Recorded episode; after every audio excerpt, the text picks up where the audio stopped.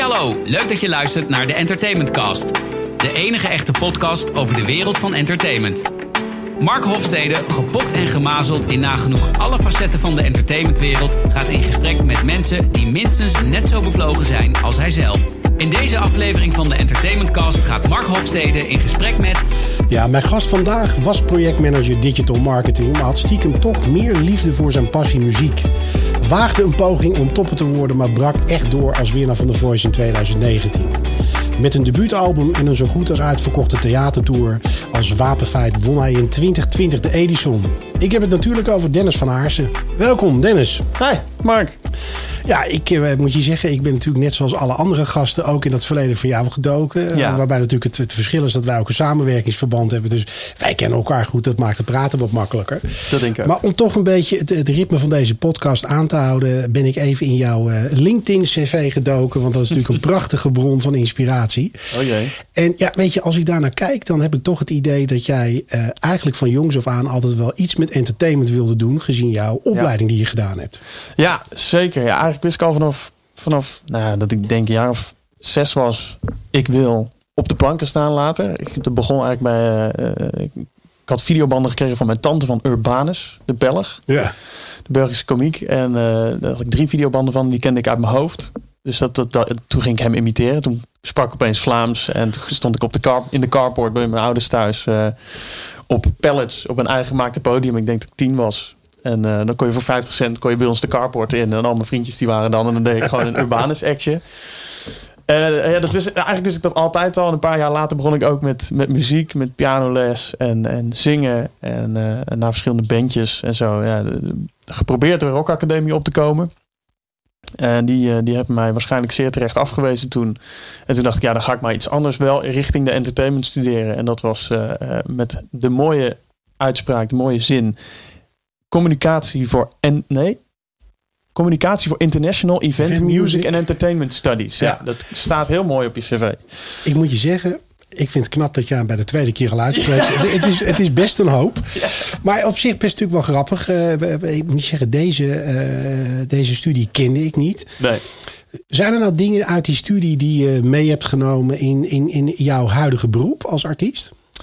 Ja, maar ik denk meer dat dat onderbewust is dan heel erg bewust. Het, het, het, het grappige aan die studie was, het was een vrij jonge opleiding. Dus ik denk dat ik het vijfde jaar was uh, dat, dat die opleiding bestond. Toen ik ja. begon stond die opleiding vijf jaar. En dat ging uh, aan de ene kant was het heel erg op communicatie en op marketing gericht. Uh, en ik hoopte eigenlijk dat dat samen zou komen bij dingen uit de entertainmentindustrie. Dus dat die, dat die koppeling echt gemaakt werd. Dat vond ik in, toen ik begon nog heel erg tegenvallen eigenlijk. Het was en marketing en communicatie en het bouwen van een merk. Uh, en je leerde iets over de muziekindustrie en over festivals organiseren, evenementen maken, musicals, noem het allemaal op. Maar die twee die kwamen eigenlijk niet zo heel erg veel samen. Dus ik leerde daar wel nou ja, hoe je uh, uh, een merk neerzetten. Maar dat kon voor alle bedrijven zijn. Ja. en aan de andere kant leerde ik nou ja, hoe belangrijk het was om een merk te zijn binnen een bepaalde industrie. En hoe je een mooi festival kon organiseren. En, en, en die, die twee die kwamen niet echt samen. Maar ik denk dat ik heel veel wel onderbewust toch mee heb genomen. Dus nou ja, goed. We, we zijn natuurlijk ook... Ik ben mezelf ook meer als een merk moeten gaan zien. Zeker, Zeker. Sinds, ik, sinds ik The Voice heb gewonnen. Dus uh, ja, we zijn ook langzaam die, die kernwaarden van mij... en een missie en een visie... Uh, uh, nou, op papier aan het zetten. Ja. Uh, en dat sluit gelukkig bij mij allemaal omdat ik een persoon ben en een merk sluit het allemaal aan. Is dat vrij makkelijk te definiëren in plaats van wanneer je dat voor een organisatie gaat doen. Maar het zijn wel toch kleine dingetjes die ik mee heb gekregen vanuit mijn opleiding. Maar ja, meer de toepassing daarvan dan dat ik echt heb geleerd van nou, dat nee, moet ik precies. later gaan doen. Maar goed, uiteindelijk weet je wel, merken bouwen, dat is natuurlijk iets waar je uh, binnen je functie als, als projectmanager bij een digitaal marketingbureau dankbaar gebruik van kan maken. Ja, ja zeker. En het grap was, ik hoopte dat ik wilde dus. Uh, ik ging die studie doen omdat ik wist van nou, ik ga misschien dan niet een podiumartiest worden, wat mijn ultieme droom is. Maar ik wil wel in die entertainmentindustrie gaan werken. En toen kreeg ik een, uh, een aanbieding om te gaan werken bij een, bij een digitaal marketingbureau, wat echt geen fluit met entertainment te maken had. Ze, zij waren, Tal, Talmark dat bedrijf, en die waren specialist op arbeidsmarktcommunicatie. Dus dat ging inderdaad wel heel erg over. Uh, nou, ik zag hier op de gang in de Wisseloord stond een, een mooie plak van BASF. Ja. Dat was een klant van mij onder andere. Ja. Dus ik heb, ben daar een paar keer op het hoofdkantoor geweest. Dus dan moet je wel gaan kijken van wat zijn zij als merk en hoe eh, zorg ik dat mensen daar willen gaan werken. Want dat was Ja. de- het arbeidsmarktcommunicatiegedeelte. Eh, dus ja, dat kon ik wel een beetje toepassen. Maar het had geen fluit verder met entertainment te maken. Maar goed, uiteindelijk zat dat er wel vroeg in. En we hebben het net al over Ja. eh, eh, Urbanus gehad. Ja. en, en uiteindelijk, weet je al, kruipt het bloed toch waar het niet gaan kan. Ja. En geef je op voor topper gezocht. Ja, ja, ja. ja dat, was, dat is heel grappig. Ik heb dat verhaal ook in mijn theaterprogramma verteld. Ehm, en dat was, ik had die baan als projectmanager, dat vond ik hartstikke leuk. Is echt een heel leuk bedrijf. Ik had leuke collega's, veel leuke klanten. En ik mocht er vaak op uit. Maar toch, inderdaad, wat je zegt, het bloed gaat waar het kruipt waar het niet gaan kan. Dus ik dacht, ja, als ik dan geen podiumartiest meer word, want ik ben nu 24, eh, het einde is in zicht, ik heb een kantoorbaan. dan, dan wil ik in ieder geval nog tegen mijn kleinkinderen kunnen zeggen dat ik één keer in een bomvolle Amsterdam Arena met een verentooi van drie meter hoog nog tussen die gekke toppers heb op. Vol de concurrentie aan met Joling. Ja, vol, vol.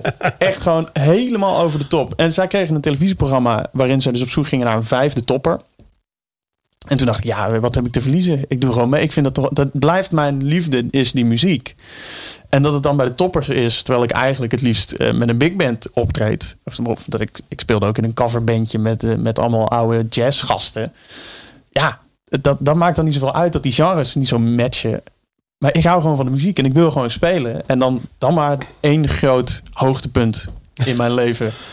Dus ik ging het proberen bij die toppers. En die, eh, nou, dat bleek te hoog gegrepen. Want die, eh, De lat lag hoog. de lat lag erg hoog. Nee, dat was dus, eh, voor hun was die mismatch erger dan voor mij, denk ik.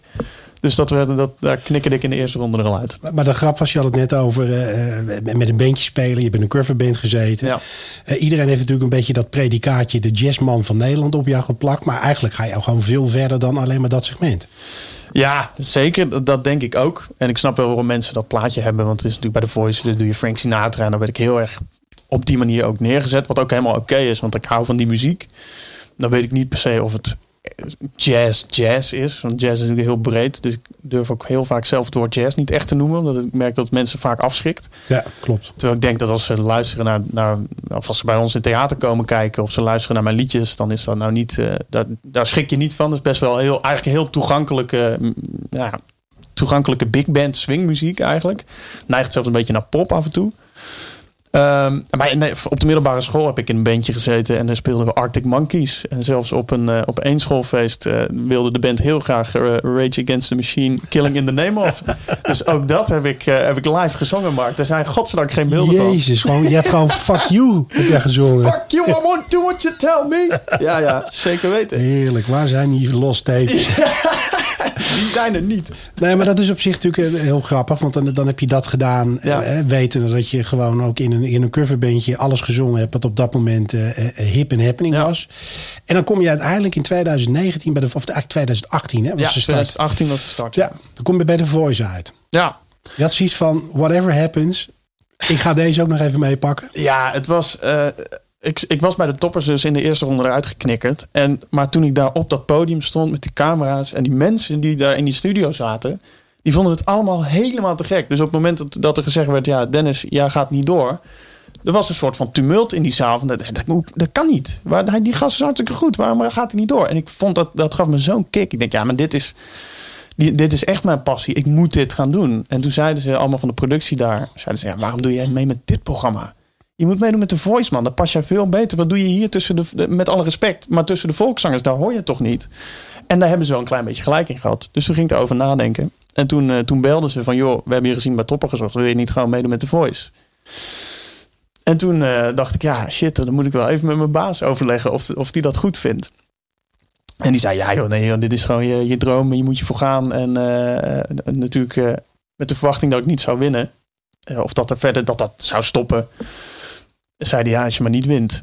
Toen zei ik, nou, maak, maak je maar niet druk, Robert. Maak je maar niet druk. Winnen doe ik echt niet. Hm. En zo ging ik erin. En eh, nou ja, goed. eh, wonder boven wonder eh, win ik hem wel. En eh, heb ik die baan eh, nog wel even aangehouden. Een halfjaartje, twee dagen in de week. Maar dat was eigenlijk al niet te doen. Dus dan, toen dacht ik, ja, nee, ik moet gewoon volgaan voor, voor waar ik het liefste, wat ik het liefste doe en waar ik van hou. En, en ik heb de juiste mensen om me heen weten te verzamelen waar jij een, een, een, nou ja, het grootste onderdeel van bent. Dus ik, eh, ja, dat gaf mij wel het vertrouwen om die baan op te zeggen. Maar, maar neem ons even mee in die trip. Ja, Dan win je hem. ja. En dan? Nou, het is heel grappig als je meedoet met The Voice. Andere deelnemers of oud-kandidaten die kunnen dat waarschijnlijk wel beamen. Als je heel eind komt, heel The Voice is gewoon een heel gestructureerde achtbaan. Dus je moet op maandag heb je een repetitie en op dinsdag wordt een liedje gekozen en op woensdag gaan we de instartjes filmen en alles is helemaal. Je krijgt een mailtje, dit moet je doen en zo laat word je daar verwacht en dan doe je je kunstje dan is goed. Op 22 februari 2019 was de finale. Toen won ik, kreeg ik een hele ferme handdruk en op 23 februari viel dus die hele structuur viel weg. En het enige wat ik nog had om een beetje aan vast te klampen was Whalen, die mijn, mijn coach natuurlijk was. Die, um, die me echt wel, uh, echt wel te gek vond. Dus ik heb nog met hem een paar keer en met zijn manager Paul, Paul Brinks een paar keer gezeten van oké, wat zijn nu de eerste stappen? En daar hadden we natuurlijk al tijdens de voice over gehad, want of je nou wint of niet. Ja, je, dit, is, je vindt, je, dit is jouw passie en je bent te goed om hier niks mee te doen. Dus ook als je niet wint, Welen hoopte zelfs dat ik niet zou winnen. Uh, dan moet je hiermee door. Leg die even uit, anders gaan mensen denken dat Whalen van de pot gerukt is. Ja, nee, ja, de, eh, de term workcontract zullen mensen heel veel uh, wel al bij dit soort talentenjachten, uh, nou ja, dat zal wel te binnen schieten. Op het moment dat je meedoet aan zo'n programma en je wint, dan, zit je, dan krijg je een platencontract. En dat is natuurlijk super. En daar, daar horen allerlei voordelen bij. En er komen ook wat, wat dingen bij die jou beperken in je vrijheid om keuzes te maken als artiest. Um, en Whalen die zei dus, ja, als je tweede wordt, dan zit je niet aan het plaatcontract vast. Whalen had toen zelfs in het AD volgens mij een pagina groot artikel met uh, ja, ik, uh, ik adviseer mijn talenten om niet te tekenen. Nou, dat advies dat kwam bij mij uh, drie weken nadat ik getekend had. Dus dat was, dat was lekker op tijd. Ja. Maar dus hij hoopte dat ik niet aan het plaatcontract vast zou zitten. Nou, dat bleek allemaal achteraf. nou, de term burgcontract bleek helemaal niet relevant, want ik heb samen met de platenmaatschappij gezeten en we, samen kwamen we erachter. Volgens mij zit gewoon geen match, dus we gaan dat niet doen. Dus ik zat helemaal nergens aan vast. Wat voor mij juist, voor ons, eigenlijk heel erg de ruimte gaf om te doen wat we wilden doen. Op de precies de manier waarop wij dat wilden doen. Ja. Um, maar goed, dus Welen hoopte dat ik niet zou winnen. Um, maar ik had hem nog wel als advies, als adviseur, zeg maar, als echt als coach, nog een, een nou, zeker een paar weken nog tot mijn beschikking van wat zijn nu de stappen die we moeten doen. Hij zegt, nou, hij gaat op zoek naar een goede manager. Je manager is jouw dromenfabriek. Jij spreekt je dromen uit. En jouw manager die moet zorgen Oké, nou dan is dit zijn de wegen daar naartoe. Uh, en dit en dit en dit zijn de gevolgen die daar waarschijnlijk bij komen kijken. En dan moet jij de afweging maken uh, voor welke keuze je gaat en welke risico's daarbij horen. Nou, maar, op. maar je manager moet dat voor jou uitkiezen. Die moet, die moet dat voorleggen. En jij maakt de beslissing. Goed, dus dat is één. Kies een goede manager. vind de juiste mensen om je heen. zoek een pad. Ga eigen muziek schrijven. Had ik ook nog nooit gedaan. Dus ik heb aan Whalen gewoon, uh, en aan Paul gevraagd: wat zijn dan managers? Met wie moet ik gaan praten? Want ik ben projectmanager. Ik kom niet uit deze wereld. Ik ken een handjevol mensen nog van de opleiding die me misschien verder kunnen helpen. Maar verder, ja, nee. Houd dat op. Houd het daar op. Dus ik kreeg een lijstje en er stond met, met zeven of acht namen van managers die ik op LinkedIn allemaal een berichtje heb gestuurd. Joh, uh, misschien heb je het gezien, maar ik heb de Voice gewonnen. wil je niet een keer babbelen, want ik ben op zoek naar een manager. En uh, nou, daar, daar, zat jouw naam onder andere tussen en die van René Smit. En uh, jullie bleken elkaar te kennen, dus gingen we samen zitten. En uh, het, het fijne vond ik dat jullie de eerste waren die volgens mij, en ik weet niet eens of ik dat ooit verteld heb, maar volgens mij zagen jullie het helemaal niet zitten. Jullie dachten volgens mij, wat kom, ja, je komt een jongen binnen, ja, die komt weer van de Voice. Terwijl alle anderen, jullie waren volgens mij de laatste mensen die ik gesproken heb. Alle anderen die, zeiden, die hadden gelijk Gouden Bergen. En die zeiden, ja, we gaan 100 tapejes doen dit jaar. En uh, dan sta je op iedere braderie en bla, bla, bla. Maar dan kopen we volgend jaar kopen we jouw eerste huis. En dan kopen we een auto voor je vriendinnetje. En dan uh, allemaal, het ging in ieder geval allemaal over geld. En natuurlijk is geld er belangrijk. Maar het is voor mij niet de, de basic drijfveer van waarom ik de dingen doe die ik doe. Ja. Uh, en ik denk dat dat het ook nooit zal worden omdat, ja, ja dan, dan ga, moet ik andere muziek gaan maken en daar hou ik niet van.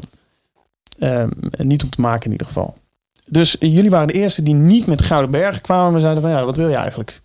En dacht ik, oké, dat is wel, dat is verfrissend. Iemand die niet Dromenfabriek. Zegt, Dromenfabriek, precies. Wat wil jij? En niet, uh, we gaan dit doen, want dat kan. En daar kunnen we nu heel snel geld mee verdienen.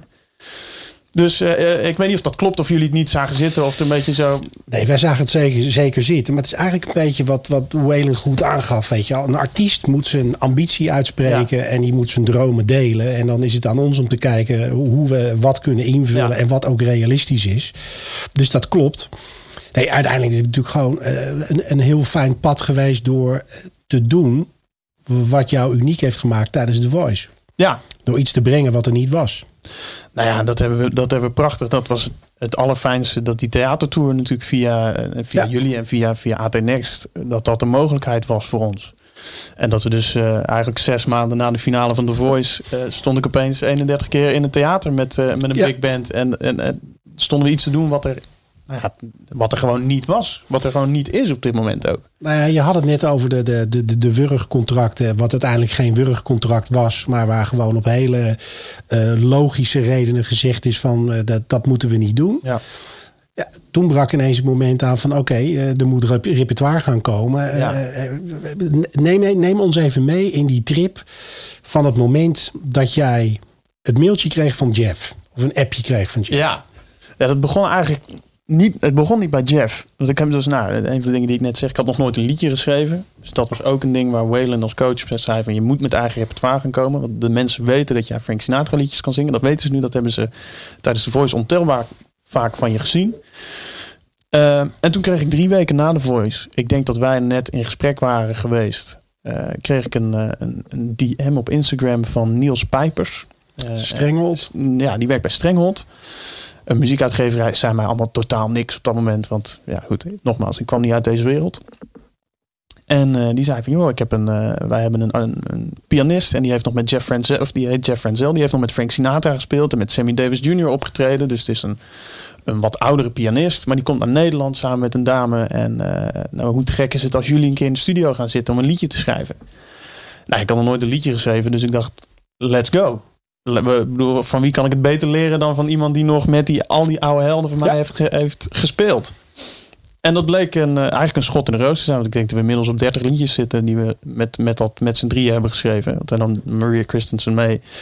Die heeft onder andere Waiting for Tonight geschreven. Jennifer Lopez, ja, jij kent het. Jij kent het verhaal. Dus eh, dat, dat zijn, eh, zij zien het ook helemaal zitten in mij. En ik heb met hun een klik. Dus ik heb van hun, zij hebben eigenlijk aan de hand genomen op het songwriting gebied. En zo denk ik dat we, dat we een redelijk, echt wel een heel aardig clubje mensen bij elkaar aan het verzamelen zijn. Die eh, nou ja, onderdeel zijn van Team Dennis. En die, die trekken aan hetzelfde touwtje, die het zien zitten.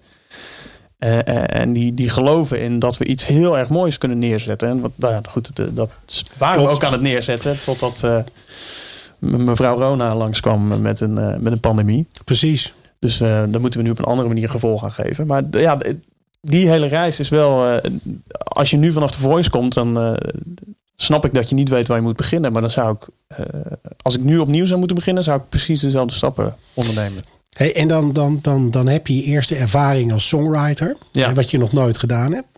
Was je daar angstig voor in het begin? Van wauw, ik ga nu met, met twee kanonnen zitten. Of ben je er gewoon echt heel cold turkey in gegaan?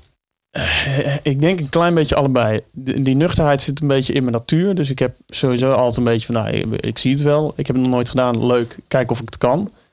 En aan de andere kant is het wel best wel intimiderend. Zeker op het moment dat je ook met andere mensen gaat schrijven. En dan, dan kom je met een suggestie waarvan je denkt, van, nou, volgens mij moet het liedje hierheen. Of is dit een mooi zinnetje? Of dit een mooie melodie? En die zeggen dan, nee, nee, nee, dit is echt bagger. Nee, nee, nee, dit moet je echt nooit zeggen. Dit moet je echt nooit zingen Ja. ja, dan, dan voel je je opeens wel heel erg klein. En daar, eh, ja, dat, dat, is, dat is de onzekerheid die denk ik ieder artiest wel een beetje met zich meedraagt. Omdat het is natuurlijk mega subjectief wat we allemaal aan het doen zijn. Klopt. Muziek, eh, de ene kan eh, nou ja, mijn, liedjes prachtig vinden en de ander vindt het verschrikkelijk. En ze hebben allebei gelijk. Dus dat, dat maakt het wel allemaal een stuk moeilijker. Maar daar ben je, zeker als je net begint, zoals ik, in het begin wel heel erg gevoelig voor. Dat je denkt van oké, je hecht heel veel waarde aan de mening van anderen. En niemand heeft de waarheid in pacht. Als, Nee. als ik het mooi vind om eh, een bepaald woord te gebruiken en iemand anders zegt, nou, dat moet je echt nooit doen. Dan was ik twee jaar geleden had ik gedacht, oh, oké, nou, dat, woord moet ik dus nooit gebruiken. En nu denk ik, ja, maar fuck it, dit is maar, ik wil dat woord. Dat woord Ja. past. Dus die zelfverzekerdheid, dat, dat groeit ook wel een beetje, denk ik. Hey, en dan, dan heb je je eerste schrijfervaring gehad. En dan is het zover. Dan ga je de studio in. Ja, ja. Dat is ook wel een, eh, eh, een, heel, een heel ding. En bij ons was het ook nog heel spannend, omdat we, we hadden natuurlijk die tour staan, wat ik net En zei. weinig tijd. Ja, zes maanden na het winnen van The Voice staat er een, tour, een theatertour gepland. En binnen die zes maanden moeten, wilden wij dus een album uit gaan brengen. Omdat we, ja, ik wil laten zien, ik kom met eigen repertoire. Het wordt een tour met een mix van, van herkenbare liedjes die je bij The Voice hebt gezien. Of, covers van mijn grote helden. Maar ik heb ook een eigen identiteit als zanger en als artiest. En die, die verwerk ik in mijn eigen liedjes. Dus die balans wilden we niet alleen in de tour brengen, maar ook met het album. Met eigen werk en, en dus covers. Ehm, dus dan moet er from scratch in vijf, zes maanden tijd moeten de liedjes er komen, die zijn er. En dan moet er een band komen die dat, die dat in gaat spelen, die was er. En dan moet er een producer komen en dan moet een studio geboekt worden en iemand die dat gaat mixen, masteren, noem het allemaal op. En dat was wel een hele rollercoaster. Volgens mij hebben we dat in een week hebben we het album opgenomen. Echt in, in ruk. Ja, goed. Ik, ik, weet niet beter, maar dat was wel. Ik weet wel dat ik, lightning. Ja, Ik, ik weet wat dat ik bij, uh, geloof ik op de vierde dag bij Paul. Uh, we hebben dat bij Paul Power opgenomen dat ik op de vierde dag gewoon ergens midden in dat de blazers iets aan het inspelen waren. Dat ik op die bank even gewoon mijn oogjes dicht deed. Twee uur liggen pitten daar terwijl de muziek keihard stond. Ja. Dus dat was wel een, een intens weekje. Maar ja, ja dat, het is prachtig om zoiets te zien ontstaan. Van, eh, dat vind ik nog steeds af en toe wel grappig om te doen. Dan zoek ik de demo's terug. Die uh, bijvoorbeeld van Kent Lever Alone. Die dan, uh, dat is dan mijn nieuwste single. Om daar de demo naast te houden. En dan het eindproduct, de master van, van wat het nu uiteindelijk inmiddels anderhalf jaar later is geworden. Ja, dat is, dat is, dat is onbeschrijfelijk. Ja. Dat, is, dat is zo prachtig om te zien. Oké, daar, daar ben ik nog een beetje onzeker over de melodie. En is dit wel, moeten we daar, moeten we daar? En nu is het gewoon, ja, ik ben zo onwijs trots op hoe dit liedje geworden is. Het lijkt mega op een James Bond track. Het is bombastisch. Het is, ja, ik vind, ik vind dat liedje is precies wat het moet zijn. En als je naar die demo luistert en dan, dan luister je naar hoe het begon. Ja, dat, dat, dat kun je niet beschrijven. Dat is alsof je een kindje ziet groeien. en en dan, dan is die plaat klaar. Heb je het eerste liedje uitgebracht. Ja. En dan is die tour er ineens. Ja, ja dat was ook nog wel. Uh, dat was, het is echt. 2019 was echt een mega, mega rollercoaster gewoon. En dan heb ik het niet eens over de voice. Maar eigenlijk alles wat daarna kwam was misschien nog wel intenser. En daarom alleen nog maar leuker. Ik vond. Uh, ik had natuurlijk nog nooit in theater gestaan. Maar iedereen die had al gezegd. Ja, Dennis, theater is gewoon jouw plek. Als jij daar staat met een big man, dat ga je zo leuk vinden. Ik weet nog bij de première dat ik echt bloednerveus was. Volgens mij we hadden een cameraploegje gevraagd om het een en ander vast te leggen. Nou, die hebben echt niets, die hebben helemaal niets aan mij gehad. Omdat ik alleen maar in die kleedkamer kon zeggen... Ja, mensen gaan het helemaal kut vinden. Oh, nee, ik ben zo zenuwachtig. Ja. Terwijl we hadden vier try-outs gedaan en dat mensen vonden het allemaal top. Het was gewoon, de band speelde lekker. Er was chemie op het podium. Het hele collectiefje klopte gewoon. En de setlist was goed. De grapjes waren goed. Het, het was eigenlijk gewoon een, een Dennis show zoals ik hem voor me zag. Maar toch was ik bloednerveus om dat te doen. En na die eerste keer viel het eigenlijk gelijk weg. Toen, uh, dat uh, had ik bij de Voice ook altijd. Dan was ik heel zenuwachtig. En dan begint de muziek te spelen. En dan ga ik aan. En dan denk ik, oké, maar dit is eigenlijk super vet. En ik kan, ik kan dit. Dat is die, die, die onzekerheid, die ben ik wel voorbij dat heeft volgens mij ook niks met arrogantie te maken. Dat is, ja, ik, ik, ik kan een liedje zingen en ik kan een verhaal vertellen op een podium. En dat hebben vorig jaar 20.000 mensen die een kaartje hebben gekocht om naar het theater te komen, hebben dat allemaal kunnen zien. Ja. Dus nou, de eerste keer was het heel spannend, maar de, de na 31 keer uh, dacht ik, ja, dit is wel, dit is de plek waar ik, uh, waar ik heel vaak nog wil staan. Hey, en, en dan, dan het, het, het, gegeven, dat vind ik ook altijd een heel wonderlijk iets. He, van met braktapejes door Nederland gaan en ja. dan ineens met uh, tien man op het podium staan. Dat moet natuurlijk toch gewoon een enorme trip zijn. Ja, zeker. En dat, dat begint al achter de schermen. Dat begint al in de hele voorbereiding. om twee uur in het theater aankomt. Je begint op te bouwen en een beetje te soundchecken. En, en je gaat met z'n allen eten. Het is gewoon een, die hele dag leidt toe naar dat moment dat om acht uur het doek open gaat. En dat je met z'n allen mag doen waarvan je weet, dit hebben we al vaker gedaan. Mensen vinden dit te gek. Wij vinden dit te gek dat, ja, dat, dat, is, dat is niet te vergelijken met dat als je op een, eh, op een feestje in, eh, in de kartfabriek in Utrecht eh, even na een DJ met een, met een bandje moet langskomen. Wat heel vaak ook verrassend leuk kan zijn, maar het, ja. het, is niet te vergelijken met elkaar.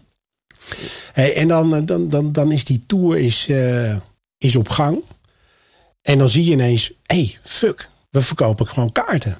Die zalen zitten vol. Die zalen zitten vol, ja. Ja, dat bleef voor mij nog altijd echt het meest wonderlijke. Dat de mensen. Je moet je voorstellen, ik was gewoon projectmanager. Tot, tot augustus 2019.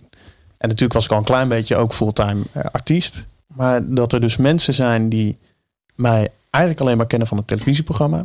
Ik had, nog, ik had één of twee liedjes uit. Maar goed, dat, dat waren ook geen radioknijterhits geworden. Dus daar kenden ze me niet van. Ze kenden me of van tv, of ze zagen me in een brochure van het theater en dachten: hey, dit is een big band. En die gast die zingt Frank Sinatra muziek, lees ik hier. Ik weet niet wie die gast is, maar daar gaan we heen.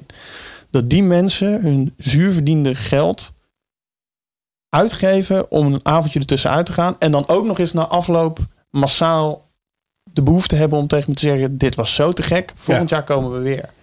Nou, dat, dat, ik, volgens mij heb ik dat wel vaker gezegd.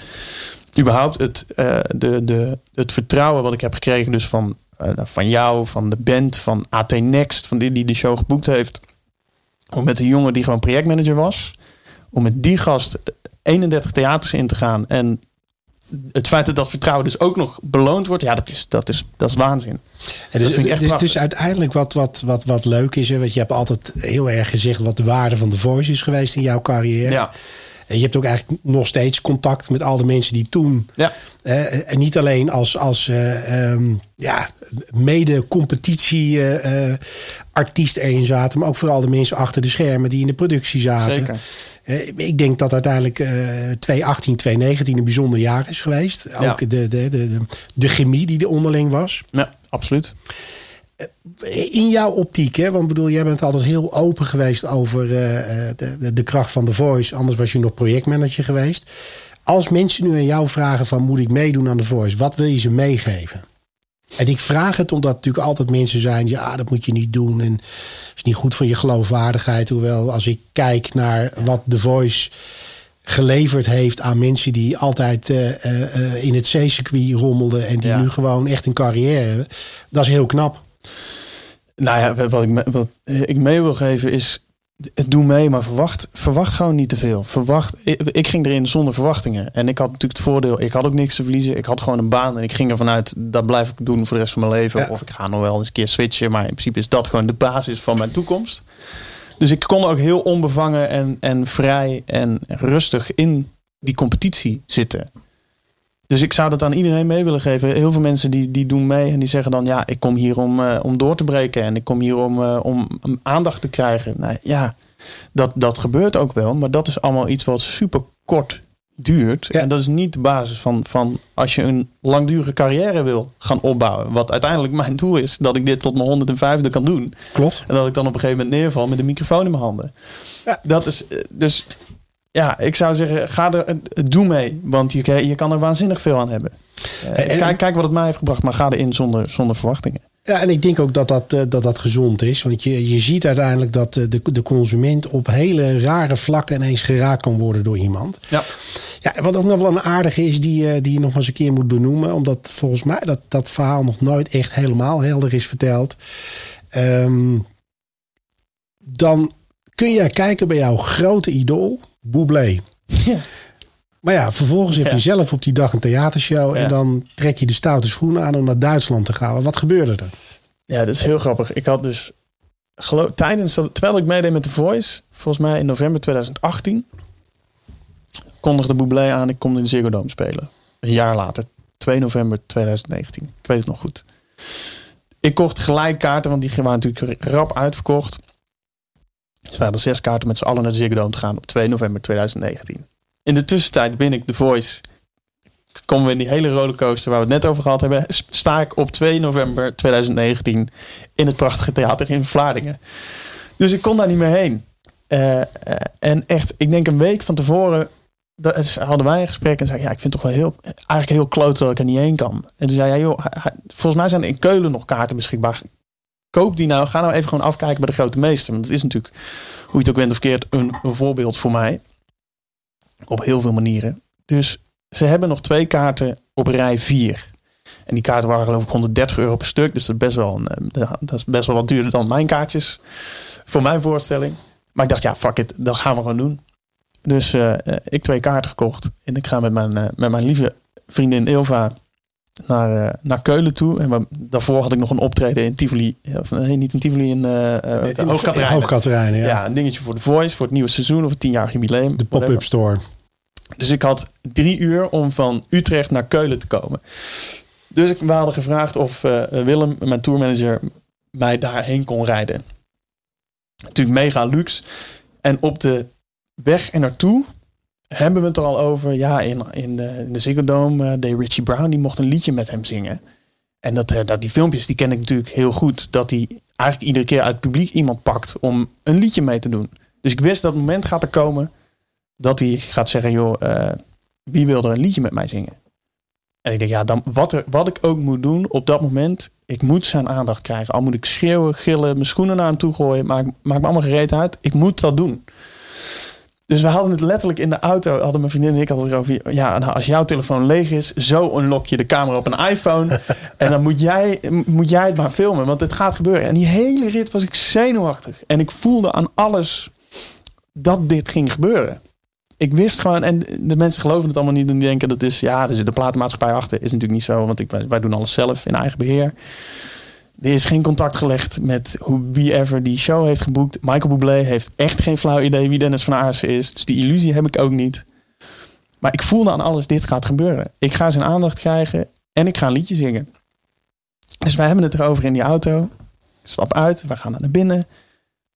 En halverwege de show zegt hij, ja, het was altijd mijn droom om voor jullie hier te spelen. En ik kan me voorstellen dat er meer mensen zijn met die droom. Nou, het filmpje staat ergens op YouTube, dat kun je wel vinden. Het staat op mijn eigen kanaal zelfs. En op dat moment, ja, wij hebben gewoon de mazzel dat er nog kaarten op rij 4 waren. Want rij 4 was aan een soort van... Michael Bublé heeft altijd zo'n catwalk, Ja. de zaal in. Eh, en dan heb je drie rijen en dan heb je een strook leeg, zodat mensen naar hun stoel kunnen gaan. En wij zaten op rij 4, dus tegen die strook leegte aan. Dus ik was, ik zat, er zat niemand voor mij.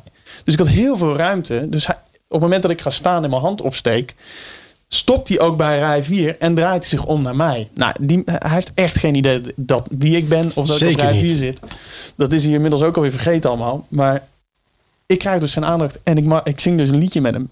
En ik heb nog nooit zo intens tegen, me, tegen Ilva, tegen mijn vriendin gezegd... Film dit. Maar echt, dat ze schokken gewoon van. En eh, ja, het grappige is, ik heb het daar gisteren met iemand over gehad. Dat is eh, iets waar ik ook wel heilig in geloof, nou van overtuigd ben. The law of attraction. Heel vaag, maar eh, mijn moeder is best wel een zweverig eh, type. Ik hou van, dit is de liefste moeder ooit. En mijn pa is mega nuchter, dus ik lijk in heel veel opzichten meer Ik kan dat bevestigen. Ja, ja, ja, kent ze een beetje. Eh, maar ja, mijn moeder die krijgt af en toe hoofdpijn van de wifi en dat soort dingen. Dat is allemaal, ja, heel, een beetje dat werk. Maar ik hou van je mam als je dit hoort. Ehm, maar zij heeft me vroeger dus ook naar The Secret laten kijken. En dat gaat helemaal over the law of attraction. En dat is een soort van...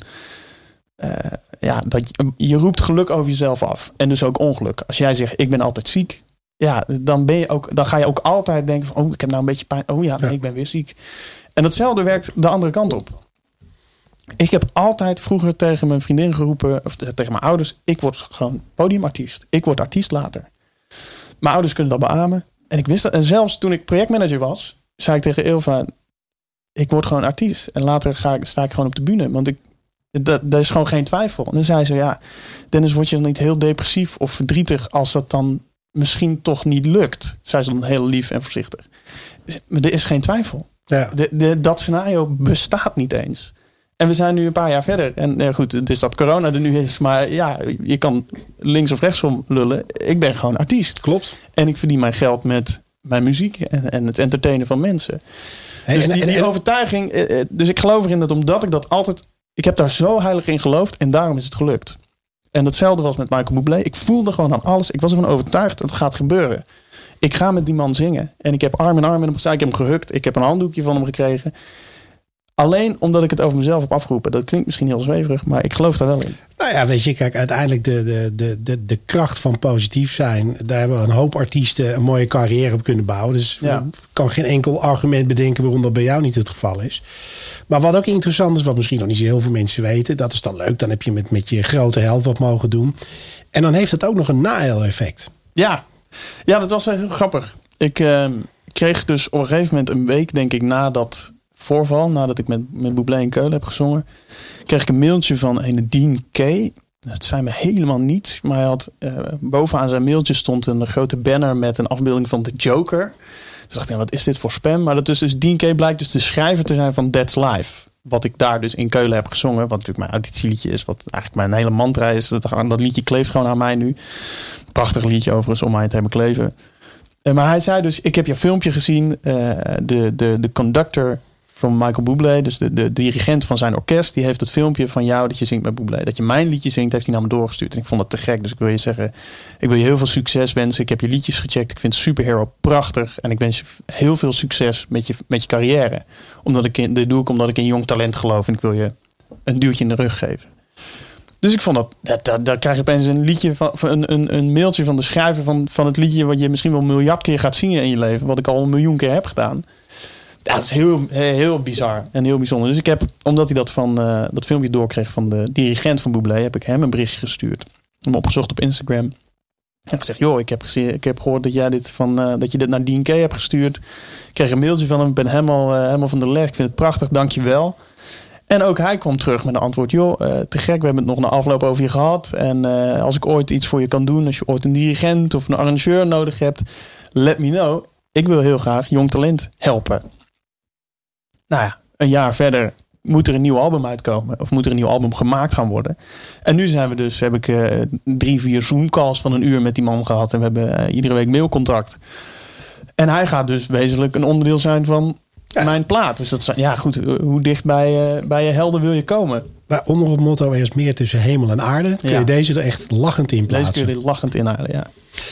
En ja, uiteindelijk weet je, je hebt het woord uh, corona al een paar keer op uh, corona laten vallen. Ja.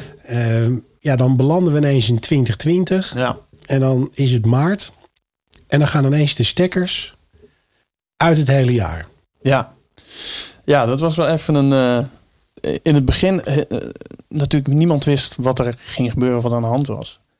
En mijn vriendin, die echt de optimist zelf is, die zei van nee, het is twee weken dit duurt twee weken, dan is het weer normaal. En eh, nou, ik had allerlei optredens met de Marinierskapel staan. Ik had optreden in Tivoli Vredeburg staan. Een hele theatertour. De reprise van de tour die we al gedaan hadden, die stond al gepland.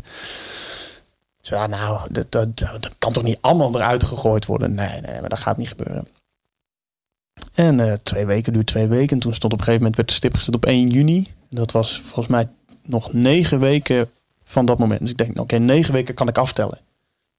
Vanaf negen weken is het prima dat geduld kan ik opbrengen. Op een gegeven moment was het nog drie weken. En toen werd al vrij snel, was al wel heel snel duidelijk van nou, dit gaat niet op 1 juni weer magisch allemaal open. En toen werd volgens mij de stip op 1 september gezet of zo. En toen dacht ik, ja, maar dat is nog, dat is nog 23 weken. Daar kan ik niet, daar kan ik niet meer aftellen. We moeten, we moeten wat gaan doen. En we waren ook wel dingen aan het doen. Dus ik was gewoon met, met geluidsman Martin. Um, allerlei livestreams aan het doen. En, iedere week een, een mini-concertje geven met een bepaald themaatje. Een held van me of een suggestie van iemand die, uh, van een fan. Die zei van, joh, ik wil dat je deze liedjes gaat zingen. Ja, prima, dan ga ik dat doen. En zo hebben denk ik de eerste 13 weken vanaf maart ergens tot, uh, tot juni of zo hebben we elke week een, een livestreampje gedaan van drie kwartier tot een uur. Gewoon gratis voor de mensen op Facebook en, en, en op YouTube. En ja, daarin ontwikkelden we onszelf. Dus het begon letterlijk met een webcam en, uh, en een computer. En dan gelukkig heeft, heeft, eh, heeft Martin heeft, uh, allerlei mooie lampen en, en natuurlijk vanzelfsprekend hele mooie geluidsapparatuur. En dat groeide steeds. Dus op een gegeven moment hadden we twee webcams. En toen werden de webcams die werden weggehaald. En dat werden cameraatjes, werden vlogcameraatjes. En toen kwamen er nieuwe lensjes op. En nou, dachten we, oh, nou, als we, als we doeken ophangen en kleden neerleggen, dan wordt het eigenlijk...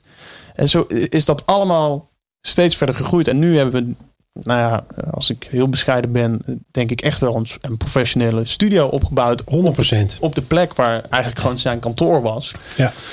Um, en is. Maar daar, waar we nu gewoon, uh, nou, ik ben daar zeker één of twee keer in de week om daar gewoon content te maken. En om daar of, of een video te maken voor op YouTube. Of we hebben daar repetities gedaan met de band. Omdat we in principe nog een soort van tour zouden gaan doen afgelopen jaar. Wat ook niet doorging.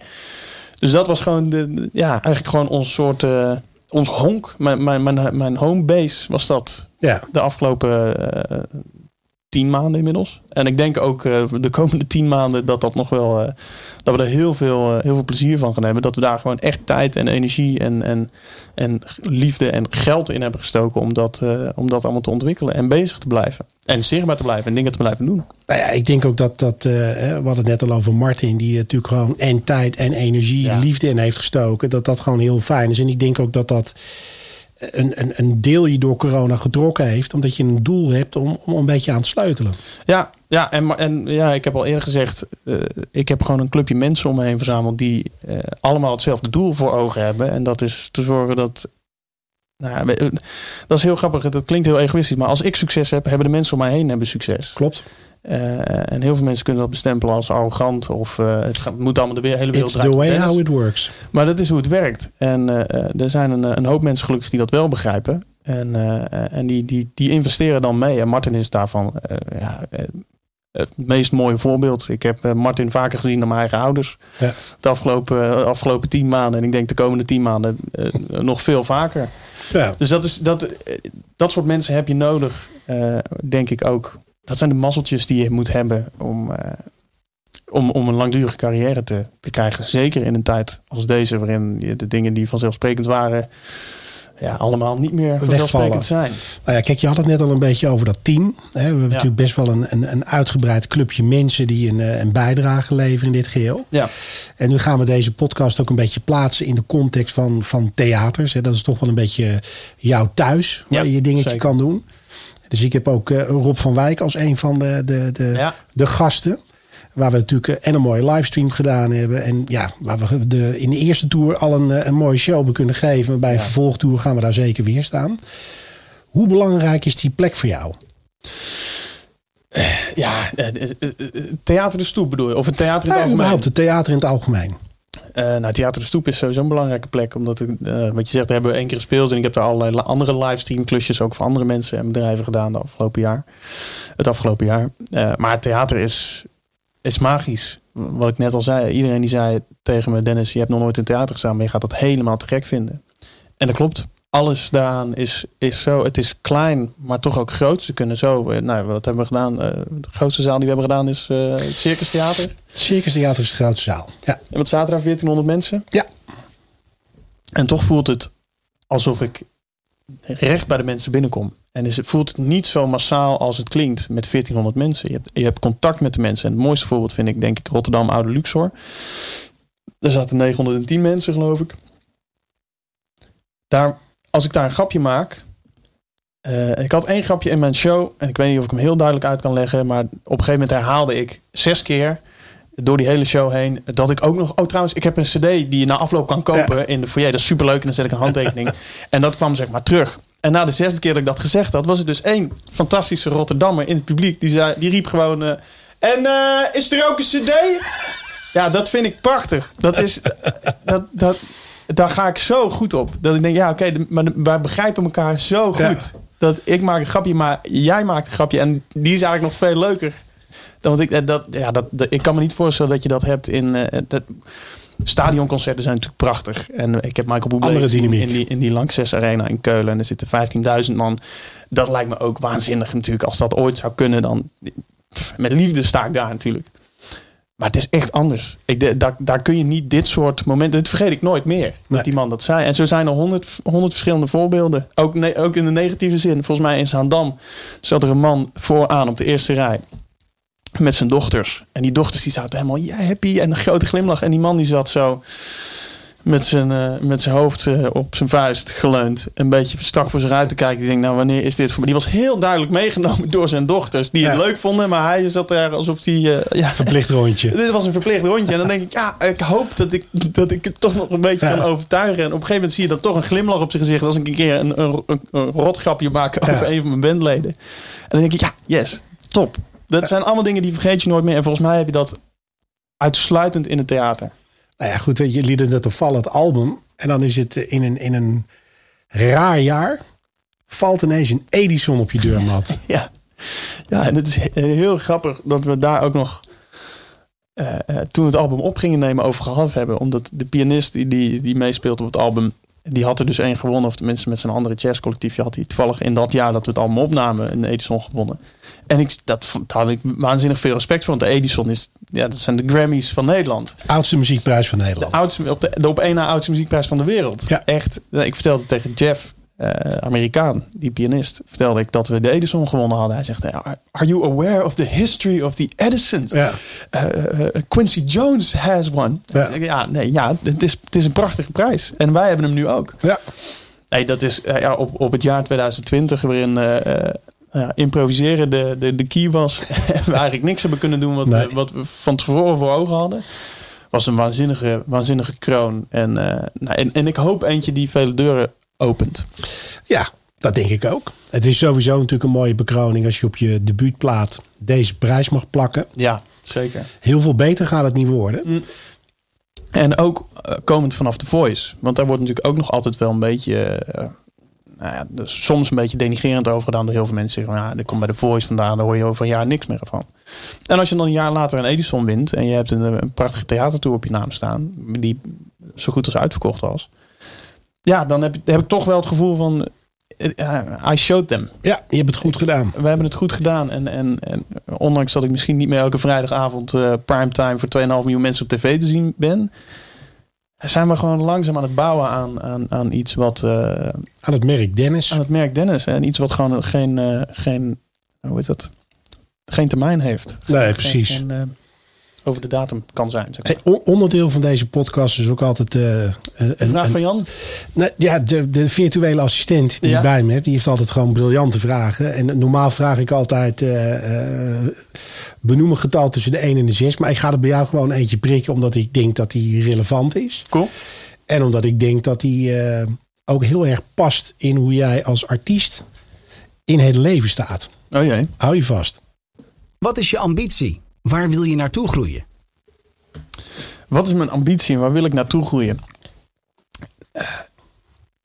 Dat is een hele, dat vind ik echt wel een hele moeilijke vraag. Omdat ik, eh, eh, ik zou een verhaal vertellen. Ik heb heel vaak ook discussie met mijn vriendin, die heel erg betrokken is. En we stimuleren elkaar heel erg in het nastreven van onze eigen persoonlijke doelen. En, en, en we moeten gelukkig zijn met wat we doen allemaal. Eh, en zij zegt dan, je moet je niet gewoon een lange termijn plan maken. Echt gewoon een bedrijfsplan met de stappen die daarin horen. En dan zeg ik altijd, ja, natuurlijk moet dat op een bepaald gebied moet dat zo zijn. Je moet voor ogen hebben wat je doel is. Maar je moet ook improviseren. En ik heb een, een minor ondernemerschap gedaan toen ik op de hogeschool zat. En daar was de slogan Burn the Business Plan. Je moet, eh, dat, sommige mensen krijgen daar eh, een, eh, heel veel Jeuk vlekken, vlekken van in de nek. maar eh, je moet eh, lean ondernemen. Ja. Dus je moet gewoon kunnen schakelen op de dingen die gebeuren. Ehm, en ik weet niet of dat nou per se heel veel met ambitie te maken heeft. Maar mijn doel is om tot mijn 105e eh, mijn leven te kunnen leven van de muziek waar ik van hou. En dat kan, morgen kan het veranderen. Morgen kan ik opeens denken, jezus mina, maar, maar slagermuziek. Dat is, ach, daar, daar krijg ik tranen van in mijn ogen. Ik vind het prachtig. Dat, kan, eh, dat gaat niet zo zijn, maar dat kan wel. Dus als ik dan mijn hele businessplan heb geënt op eh, swing en big band muziek. Ja, dan is dat toch, dan, dan verandert mijn droom. En dat kan. Eh, maar dus mijn, mijn doel is om zo lang mogelijk te, te kunnen leven, nou, gewoon tot het eind van mijn leven, eh, te kunnen leven van de muziek waar ik van hou. Ehm, en de ambities die daarbij horen, ja, ik zou het fantastisch vinden om, om, op, om een wereldtournee te hebben met mijn, eigen, met mijn eigen orkest of mijn eigen big band. Eh, ja, natuurlijk, ik, zou, ik wil ook wel eens een hit. En ik wil heel graag. eh, eh, ik zie hier staan Marco Borsato en, en Treintje Oosterhuis staan allemaal aan de muur met platinum en gouden plaat. Ja, dat, dat lijkt me natuurlijk prachtig. Maar dat is, niet, dat is niet per se het doel. Mijn doel is gewoon, ik wil met de muziek die ik het liefste maak, met fantastische mensen, met leuke mensen, wil ik ja, vormgeven aan mijn carrière. En dat wil ik zo lang mogelijk kunnen doen. Dus als daarbij hoort eh, dat ik voor de rest van mijn leven in de, eh, de middenkleine zalen in het theater in Nederland sta. Ja, dan is dat wat het is. En als het betekent dat ik eh, over tien jaar een wereldtournee heb en dat ik in de Royal Albert Hall sta, wat natuurlijk een droom is. En je moet ook groot dromen. Ja, dan, dan is dat dat. Maar ja, mijn, mijn ambitie is om gelukkig te blijven met, eh, met wat ik heb. Nou, de, de droomfabriek is weer gevuld. De droomfabriek is weer gevuld, ja. Royal Albert Hall, Mark, wanneer? Ja, ik eh, kom terug met een datum.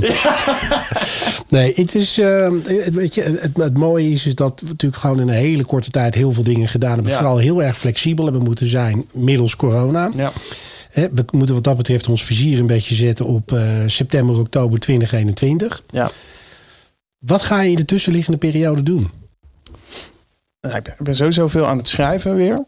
Dus ik heb eh, allerlei schrijfsessies, onder andere ook met Jeff en Maria, maar ook met René van Mierlo en met, eh, met Louis Isselt. eh, en allerlei andere mensen. Ja, we, we, we gaan gewoon toewerken naar een nieuw album. En het tweede album moet. het eerste album was kennelijk Edison waardig. Dus het tweede album moet minstens een Edison op kunnen leveren. nee, dat is, dat is natuurlijk gelul. Maar het- het- het- we moeten in alle opzichten groeien. Eh, en dat, dat zit hem in kwaliteit van de liedjes. eh, en in kwaliteit van, eh, van de mix, van de, van de arrangementen, van mijn zang. En, en, overal zit, en dat is ook wel grappig om te zien, dat overal zit nog gek in. Ja. Dus ik heb ook gewoon, ik ben, ik ben zangles nou, gaan nemen eigenlijk na de voice. Dat had ik al heel lang niet meer. En ik merk ook dat er bij mij zelf zit nog heel veel rek. En niet alleen op zang, maar ook op presentatie en op het schrijven van, van programma's en het maken van content. Overal zit nog groei in. En zolang dat er is, dan we- weet ik zeker dat we nog wel eh, tot corona de wereld uit is, dat we nog wel eh, genoeg mooie dingen kunnen blijven doen. That's the spirit. Hey, een slotvraag. En die is een beetje geënt op ehm, andere mensen die ook talentvol zijn en die hun schreden willen gaan maken in deze wereld. Mhm. Wat zijn de twee belangrijkste dingen die je ze mee wil geven? Oeh, dan is het heel moeilijk om niet in clichés eh, te vervallen, denk ik. Eh, eh, je moet doen waar je hart ligt. Eh, authenticiteit is volgens mij het allerbelangrijkst. Op het moment dat jij een kunstje uit gaat halen, dan kun je dat misschien tien jaar volhouden. Maar op een gegeven moment prikken de mensen daar doorheen. En dan word je daar niet gelukkig van. Dus één, één, blijf jezelf. Ehm, ja, jeetje. Het is heel moeilijk om nou een hele goede uit te zoeken. Dat is sowieso de belangrijkste. Volg je hart. Ja, dat is, oh, dat is wel heel erg cliché allemaal, hè, dit. Het wordt een beetje, het wordt een beetje eh, pijnlijk zo. nee, je, Je je kunt er een podcast van maken. we moeten, ja, precies. Ja. Eh. nee, ja, volgens mij... eh, een van de mooie dingen, volgens mij, die jij hebt gezegd... alles wat snel komt, kan ook snel weer weg zijn. Ja, en alles wat je langzaam opbouwt, dat is veel duurzamer. En, en dat is grappig, een van de wijsheden die Ali me heeft meegegeven tijdens de Voice is... groeien is belangrijker dan winst. Dus zolang jij blijft groeien, en dat heb ik ook al eerder gezegd... zolang wij blijven groeien, is dat zoveel belangrijker dan dat wij eh, een keer die, die superhit pakken. Of, eh, of dat we een prachtige kans krijgen waarmee we wel wekelijks die 2,5 miljoen kijkers op tv kunnen bereiken. Primetime vrijdagavond, whatever. Dus die, die groei is. eh, heb geduld. En Siri is het daarmee eens, denk ik. Nou, dat lijkt me een mooi slot eh, van, eh, van deze aflevering. Ik wil je onwijs danken. Ja, ja jij bedankt. Ik heb volgens mij eh, het gevoel dat we een heel leuk gesprek hebben gehad. Ja, dat gevoel heb ik ook. Nou, tot een volgende dan. ja, heel graag. Je luisterde naar de Entertainment Cast. De Entertainment Cast is een initiatief van Mark Hofstede, oprichter en eigenaar van Ambassadors of Entertainment. Hopelijk treffen we elkaar weer bij een volgende aflevering van de Entertainment Cast.